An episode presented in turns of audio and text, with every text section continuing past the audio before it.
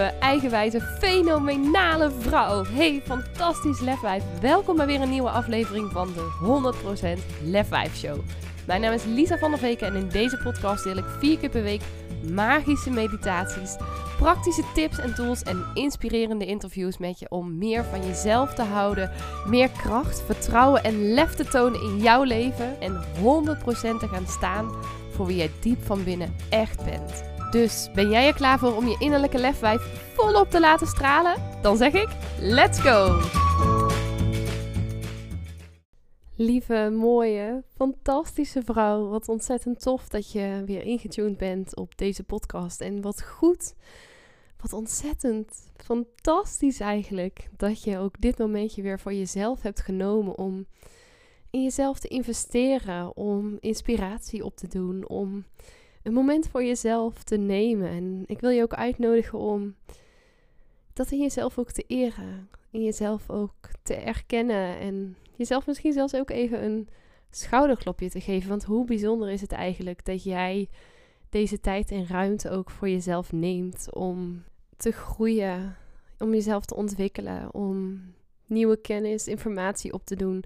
Wat je ook maar uit deze podcast haalt om meer krachten in jezelf aan te boren, meer zelfvertrouwen te krijgen, om meer zelfliefde te ervaren. Hoe bijzonder is dat en wat mag je daar ontzettend trots op zijn? En in deze podcast wil ik jou meenemen in een stukje van mijn reis van vandaag. Vandaag was ik uh, aanwezig bij de eerste dag van de tweede week van de NLP-training. En ik wil je meenemen in een stukje van wat ik hier vandaag geleerd heb en ervaren heb. En ik weet zeker dat deze podcast, podcast jou meer kracht gaat laten voelen. Je zult merken dat je na afloop van deze podcast jezelf krachtiger, ook een stukje zelfverzekerder voelt en meer en meer gaat geloven dat alles wat je nodig hebt, alle kracht, het zelfvertrouwen, de liefde naar jezelf, waar je misschien al wat langer, misschien al wat korter naar op zoek bent, dat je weet en voelt dat die al lang in jou aanwezig is. Dat je die enkel en alleen nog meer en meer mag ontdekken, mag laten shinen, mag laten stralen. Maar dat je niks en niemand nodig hebt om die kracht, dat vertrouwen, die liefde voor jezelf te kunnen voelen, te mogen voelen. Alles zit al in je. En je hebt niks, niets van een ander nodig, niets buiten jezelf nodig om het te ontdekken. En misschien denk je nu, ja, dat geloof ik al een beetje. Misschien denk je, nou, dat kan je wel zeggen. Maar dat is voor mij alles behalve waar. En weet dat waar je ook zit in dat spectrum, alles is oké. Ik ehm, heb deze podcast ook genoemd Stop met zoeken. Je hebt alles al in je. Een zinnetje wat ik ehm, heb geleerd van Willemijn Welte. Sorry Willemijn, ik heb hem eventjes gejat voor deze podcast. Maar wat ik zo mooi vind is, um, is expert op het gebied van manifesteren. Heeft ook een heel mooi boek geschreven, Manifesteren kan je leren. Ik heb haar ook geïnterviewd voor deze podcast. In januari verschijnt ook het interview. En wat Willemijn ook bedoelt met deze zin is dat alles waar jij naar op zoek bent, dat zit al in jou. En dat geloof ik ook echt heel erg. Op dit moment althans. Want ik wil je vandaag ook een stukje meenemen in mijn eigen reis hierin. Want ik geloofde dit vroeger alles behalve. Maar voordat ik je daarin meeneem, wil ik eerst even met je delen ook ehm, waar we het vandaag over hebben gehad in de NLP-training. We hebben het vandaag namelijk gehad over het Milton-model. En het Milton-model is een model wat gaat over communicatie. Over verschillende ja, elementen, zou je zeggen, in de communicatie. En hoe je die ook effectief in kunt zetten. Waarbij ervan uit wordt gegaan dat op het moment dat jij effectiever leert communiceren, dat de kwaliteit van je communicatie verhoogt, dat dat dan ook de kwaliteit van jouw leven kan verbeteren. Sterker nog, er wordt onder andere gezegd: de kwaliteit van je communicatie bepaalt de kwaliteit van je leven. En in deze zinnetjes, en dat is wat we ook taaltechnisch hierin leerden, zitten bijvoorbeeld bepaalde vooronderstellingen begrepen. Dat als je zegt de kwaliteit van je communicatie bepaalt de kwaliteit van je leven, dan ga je er dus eigenlijk van uit dat communicatie een middel is wat de kwaliteit van je leven zou kunnen bepalen. Dan heb je het bijvoorbeeld over een vooronderstelling. Maar hier wordt ook een vergelijking ingetrokken. A betekent B, bijvoorbeeld, is een van de patronen binnen het Milton-model.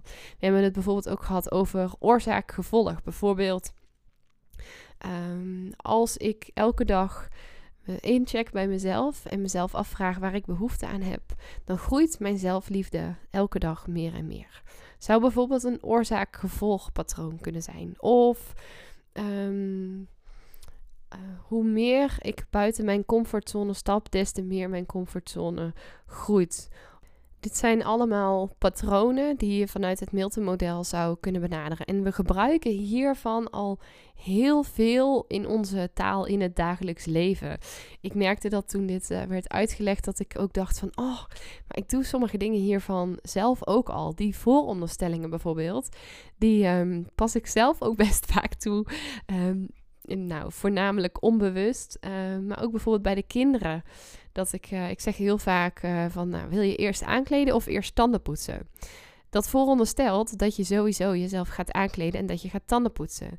En tegelijkertijd biedt het, in dit geval vooral Jens, want Gijs is nog wat jong om dat aan te vragen, biedt het een enorme keuzevrijheid voor de kinderen om zelf ook de regie te houden. Ik kondig daarbij dus eigenlijk aan van, nou, ik wil dat je gaat tanden poetsen en ik wil dat je gaat aankleden, maar in plaats van dat ik het op een directieve manier zeg, vraag ik hem: Oké, wat wil je eerst doen? En dat helpt dus ook in zijn onderbewustzijn dat hij weet: Oké, dit is wat er van me verwacht wordt, dit zijn de kaders. En tegelijkertijd ervaart hij heel veel keuzevrijheid. En dit is dus een manier van communiceren die je ontzettend kan helpen um, in de kwaliteit ook van jouw leven. Want je kan je voorstellen dat op het moment dat ik zeg: Oké, je moet nu je tanden gaan poetsen en je moet daarna um, gaan aankleden, of je moet nu eerst gaan aankleden en dan gaan tanden poetsen, dat het heel anders overkomt in de kwaliteit van mijn communicatie, maar ook in de kwaliteit van mijn relatie met Jens bijvoorbeeld. En ook daarmee dus de kwaliteit van mijn leven verandert. En je kan dit soort communicatiemanieren dit soort patronen ook heel mooi op jezelf toepassen. Om jezelf te helpen. Om jezelf op een hele fijne, positieve manier te programmeren. Bijvoorbeeld, elke stap brengt mij dichter bij mijn doel. Dat is een, enerzijds een vooronderstelling. Je veronderstelt dat je daarin dus stappen gaat zetten en die stappen die kunnen je dichter brengen bij je doel. En dat is bijvoorbeeld ook een overtuiging met daarin een oorzaak-gevolgconstructie. Dat ervan uitgaat dat je stappen zet en dat elke stap je dus dichter bij een doel gaat brengen wat je zo graag wilt bereiken. En dit kan jezelf enorm helpen om op een liefdevolle manier ook naar jezelf te communiceren, maar ook om stappen te zetten, om te kunnen groeien. Je zou bijvoorbeeld ook kunnen zeggen. Ehm, Weerstand is leerstand. Hierbij um, stel je het een gelijk aan het ander en dat maakt dat op het moment dat jij bijvoorbeeld weerstand tot nu toe ervaart als iets negatiefs, als iets zwaars, dat je door die koppeling te maken voor jezelf het stuk lichter kan gaan ervaren of het kan gaan zien als iets positiefs. Van oh, maar als ik weerstand ervaar, dan leer ik blijkbaar juist heel veel mooie nieuwe dingen. Dus dit zijn even een paar achtergrondkaders um, waar we het vandaag zoal over gehad hebben. En een van de manieren waarop we hier ook mee aan de slag zijn gegaan, is dat we werden gevraagd om ook een speech te schrijven. Die we wilden delen ook met de groep. Waarin we dus dit soort Milton-technieken, Milton-patronen ook um, implementeerden. En ik wil een stukje van de speech die ik vandaag verteld heb ook heel graag met jou delen. Ik merkte dat het um, de mensen met wie ik het deelde, we deelden het in een, uh, in een groepje van vijf, dat het hen ook echt raakte. Dat ze aangaven ook van, wow, ik zat echt op het puntje van mijn stoel. En ik merk dat ik het ook heel goed op mezelf kan betrekken. En de boodschap die ik mee wilde geven in mijn speech is dus wat ik net ook al vertelde, dat alles al in je zit. En met name heb ik ingezoomd op het stukje kracht. Dat alle kracht die jij nodig denkt te hebben, die zit al in je. En ik wil je daarin een stukje meenemen. En ik wil je allereerst bedanken, nogmaals, wat ik net ook aan het begin van deze podcast deed. Dat je dit verhaal, deze reis met mij een klein stukje wilde lopen. En dat je jezelf openstelt om deze kracht ook voor jezelf meer en meer aan te gaan wakkeren. Ik vertrouw erop dat als ik jou hierin meeneem, dat je deze kracht in jezelf ook meer gaat ervaren. Na afloop van dit verhaal zul je een vuurtje in jou aangewakkerd voelen. Misschien voel je ergens al een klein waakvlammetje. Misschien merk je dat er al een vuur van kracht in jou brandt.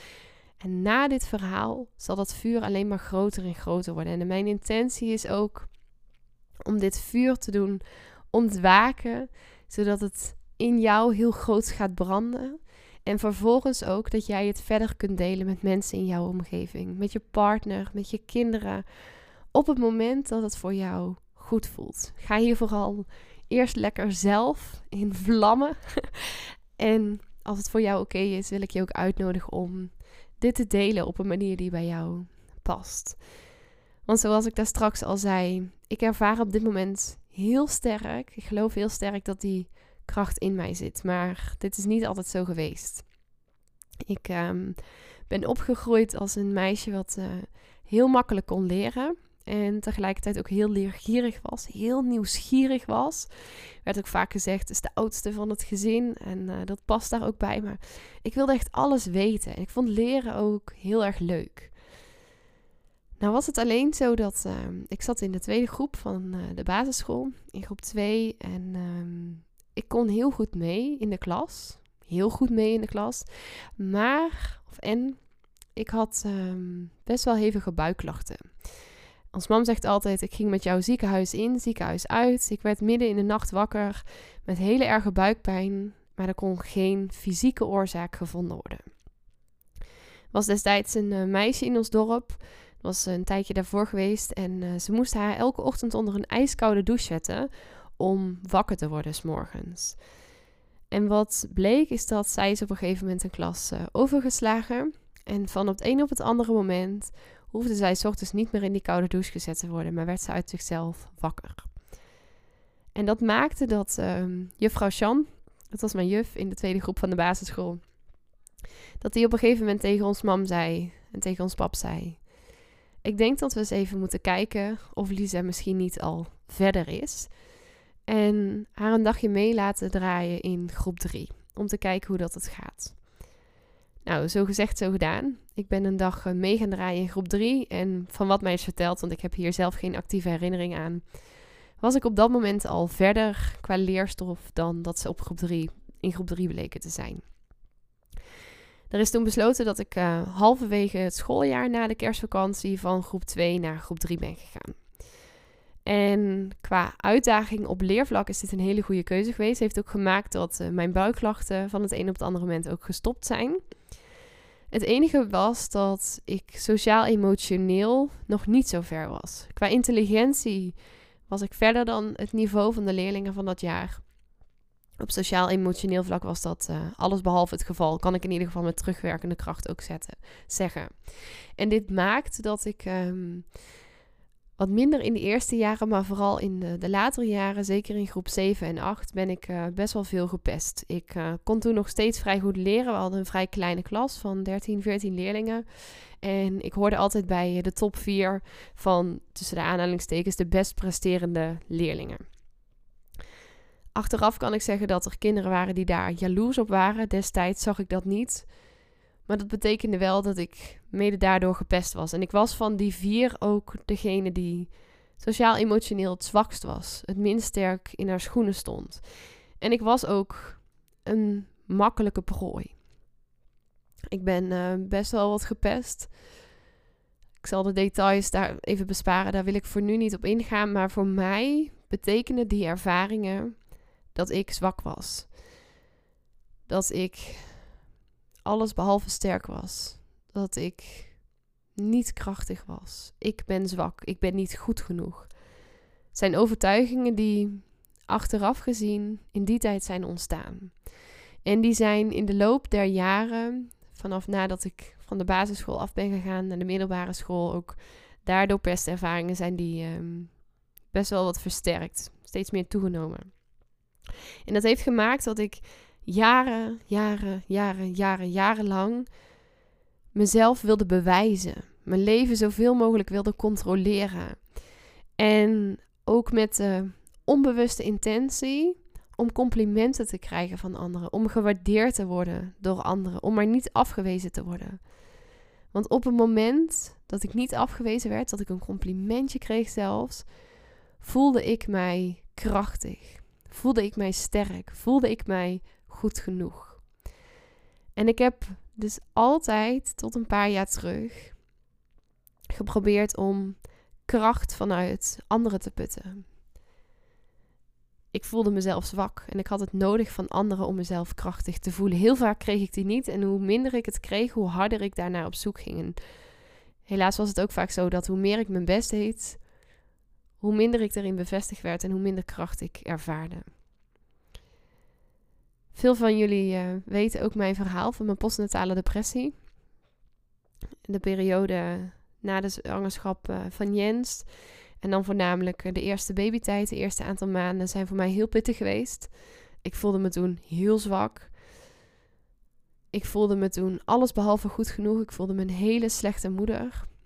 En ik heb ook heel lang niet geloofd dat ik sterk was, dat ik krachtig was, dat dat in mij zat. Echt, als je het me toen had verteld, had ik hier ronduit waarschijnlijk uitgelachen. Of in ieder geval gezegd dat het totale bullshit was. Op het moment dat ik in het diepst van mijn depressie zat en vanuit daar dacht: oké, dit moet anders, dit moet gaan veranderen, ben ik heel veel gaan experimenteren. Ben ik langs psychologen, mesologen, haptonomen geweest. Ik heb gemediteerd, ik heb cursussen gevolgd, ik heb van alles gedaan. En ik ben mezelf een heel stuk beter gaan voelen. Ik ben heel lief voor mezelf geworden, veel meer zelfvertrouwen gekregen en toch voelde ik lange tijd niet dat die kracht in mij zat. Deed ik heel veel dingen, maar voelde ik het nog steeds als ik heb externe dingen nodig om die kracht te ervaren. En was het niet meer altijd van anderen, maar was het wel bijvoorbeeld vanuit meditaties of vanuit supplementen of gezonde voeding of wat je dan ook maar aan externe prikkels kunt opzoeken. Tot op het moment dat ik van Gijs ben bevallen. Gijs is inmiddels zo'n uh, eh, 15 maanden oud.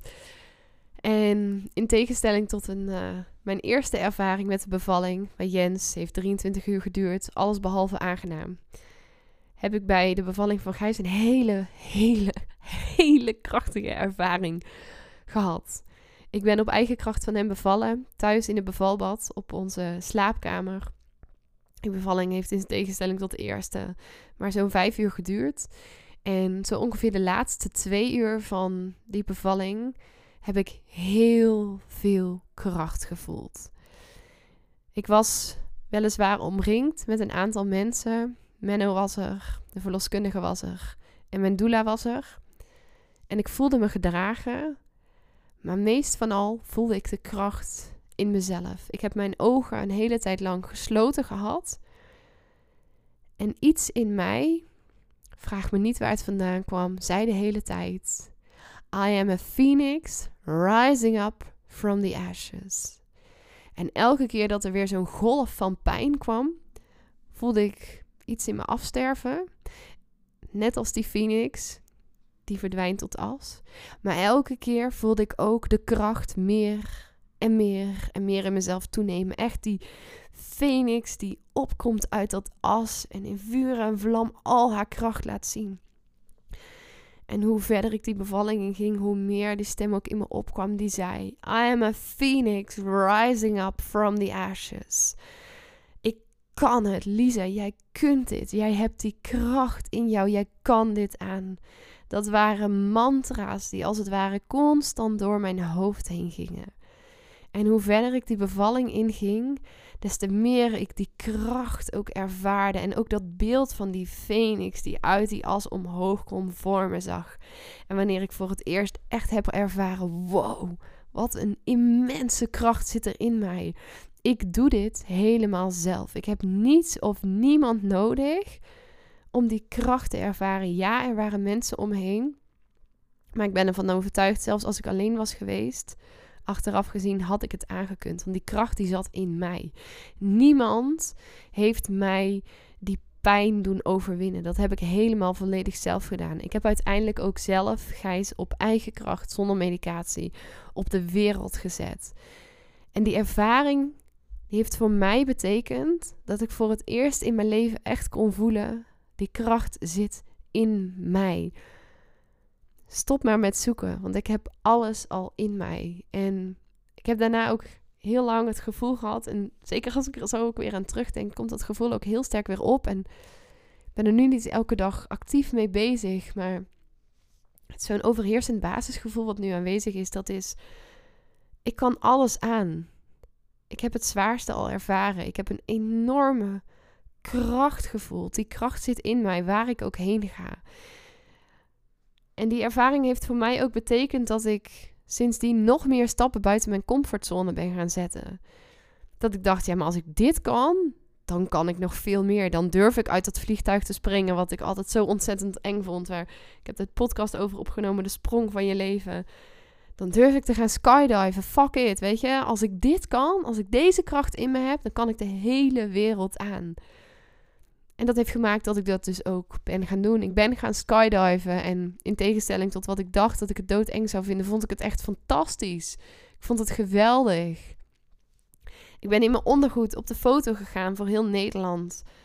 In de, in de, in de Telegraaf, in de rubriek blootgeven van het blad Vrouw. Binnenkort ga ik weer voor de ouders van nu. En dat terwijl ik jarenlang mijn lichaam heb verafschuwd. Maar ik dacht, als ik dit kan, kan ik de hele wereld aan. En lieve mooie vrouw, ik wil jou dit ook echt meegeven. Ook jij hebt dit vuur in je. Ook jij hebt die kracht in je. Ook jij kunt de hele wereld aan. En ik wil je uitnodigen Misschien zit je al met gesloten ogen te luisteren, misschien ook nog niet, maar om even je ogen te sluiten. Ik wil je uitnodigen om je hand op je hart te leggen, of beide handen, net wat voor jou prettig voelt. En met gesloten ogen in jezelf, of hardop, net wat voor jou het beste voelt, de volgende woorden met mij te herhalen. Ik ben krachtig. Ik ben prachtig.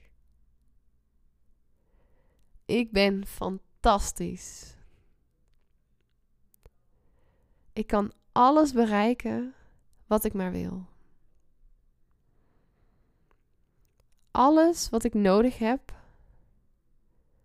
om mijn droomleven te realiseren, heb ik al in me.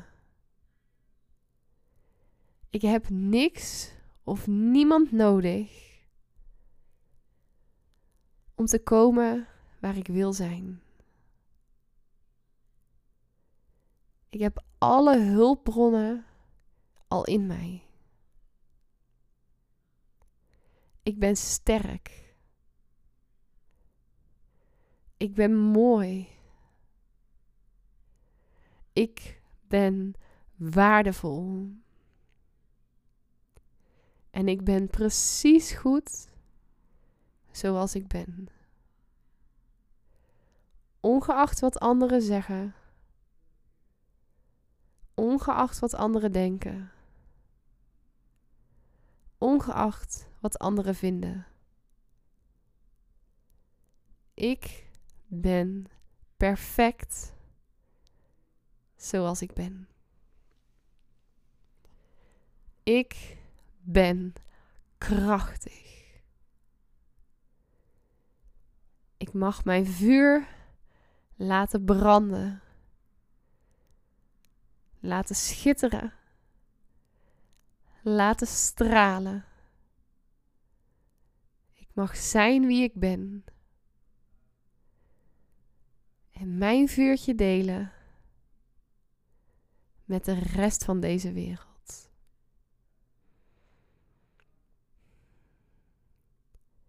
En wellicht zijn er nog een aantal dingen die je hier voor jezelf aan toe zou willen voegen. En zo ja, doe dat dan. Misschien wil je nog wat dingen herhalen, ook dat is oké. Houd je ogen nog even gesloten, laat je handen liggen. En zeg tegen jezelf wat je tegen jezelf zou willen zeggen.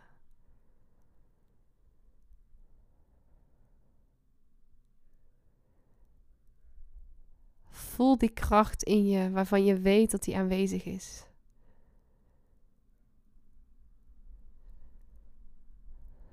Voel die kracht en verspreid het door je hele lichaam. Maak dat gevoel groter en groter. Zie wat je ziet als jij jezelf enorm krachtig voelt. Hoor wat je hoort. En ervaar het maar volledig. Voel dat vuur, die kracht groter en groter en groter en groter en groter worden. Steek die vlam maar lekker op.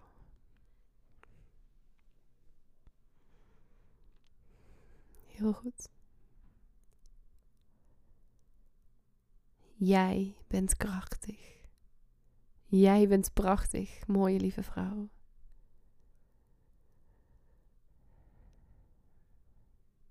En ik wil je uitnodigen om als het ware een screenshot te maken van dit moment. Om dit op te slaan in de geheugencellen van je brein. En jezelf ervan te verzekeren dat, ongeacht waar je gaat, waar je staat, dat al deze hulpbronnen van kracht, van liefde, van zelfvertrouwen, alles wat jij zou willen, dat dat al in je zit. En als je het soms eventjes wat minder voelt of voor je gevoel even kwijtraakt, merk op dat dan dit plaatje, dit screenshot wat je net hebt gemaakt, automatisch in je naar boven komt. Merk op hoe je dan opnieuw die kracht ervaart. Heel goed. Misschien wil je zo nog even blijven zitten. Misschien wil je je handen weer loslaten, even op je schoot leggen of wat voor jou maar comfortabel voelt. En je ogen weer wat openen. En merk op hoe je je nu anders voelt. En na vandaag jouw leven niet meer hetzelfde zal zijn. Dat vuurtje in jou is aangewakkerd. En vanaf vandaag alleen maar groter en groter zal worden. Want lieve mooie vrouw, lieve, eigenwijze, fenomenale vrouw, dit is wie jij bent. Dit is wie je diep van binnen echt bent. En weet dat jij al die dingen waar je naar op zoek bent, al in je hebt. Jij bent kracht. Jij bent zelfvertrouwen. Jij bent zelfliefde. Jij bent verbinding. Jij bent waardering. Jij bent grootsheid. Alles wat je zoekt, dat zit al in je. En als je het wat minder ervaart, wees dan vooral ook niet streng voor jezelf. Ik wil je vooral niet uitnodigen om te pushen, om boos te worden op jezelf als je het nu niet zo kan ervaren. Alles is oké. Zoals het nu is, is. Dat geloof ik echt, dat is mijn waarheid. Alles is precies zoals het nu moet zijn en wat je nu op dit moment aan kunt, wat je op dit moment nodig hebt. Dus geef jezelf ook die ruimte. Gun het jezelf om goed voor jezelf te zorgen. En gun het jezelf ook om zometeen als je deze podcast afrondt, als je hem afsluit, of je oortjes uitdoet of op stop drukt, net wat je gaat doen. Om dan ook even een momentje te nemen om goed voor jezelf te zorgen, want dat ben je meer dan waard, lieve mooie vrouw. Ik wil je heel graag uitnodigen om dit ook te doen op een manier die voor jou past, die voor jou goed voelt. En dan hoor ik je heel graag morgen weer terug bij een nieuwe aflevering van de 100% Lef 5 Show. Tot dan! Ja, dat was hem dan alweer. En ik ben echt razend benieuwd wat je uit deze aflevering hebt gehaald voor jezelf. En ik zou het dan ook super tof vinden als je even twee minuutjes van je tijd op zou willen offeren om een review achter te laten. Ga even naar iTunes, scroll helemaal beneden en laat daar je review achter. Dat zou ik echt enorm, enorm waarderen. Mocht je nou nog vragen hebben of denken van nou, ik wil hier heel graag mee aan de slag, maar ik heb geen idee hoe je dit het beste kunt doen. Of wil je gewoon even delen wat je uit de podcast hebt gehaald?